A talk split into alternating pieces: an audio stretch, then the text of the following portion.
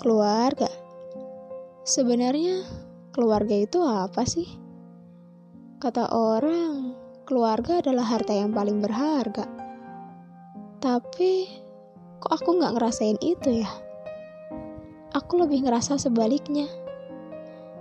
Bahkan dengan adanya keluarga, aku pun tidak pernah bisa mencapai impian aku. Selalu aja ada yang menghambat dari keluarga itu sendiri. Hmm, tapi kalau tanpa keluarga, apa aku bisa hidup di dunia ini sendirian? Gak ada siapa-siapa, kesepian. Lalu siapa nemani aku? Baiklah, aku akan bercerita tentang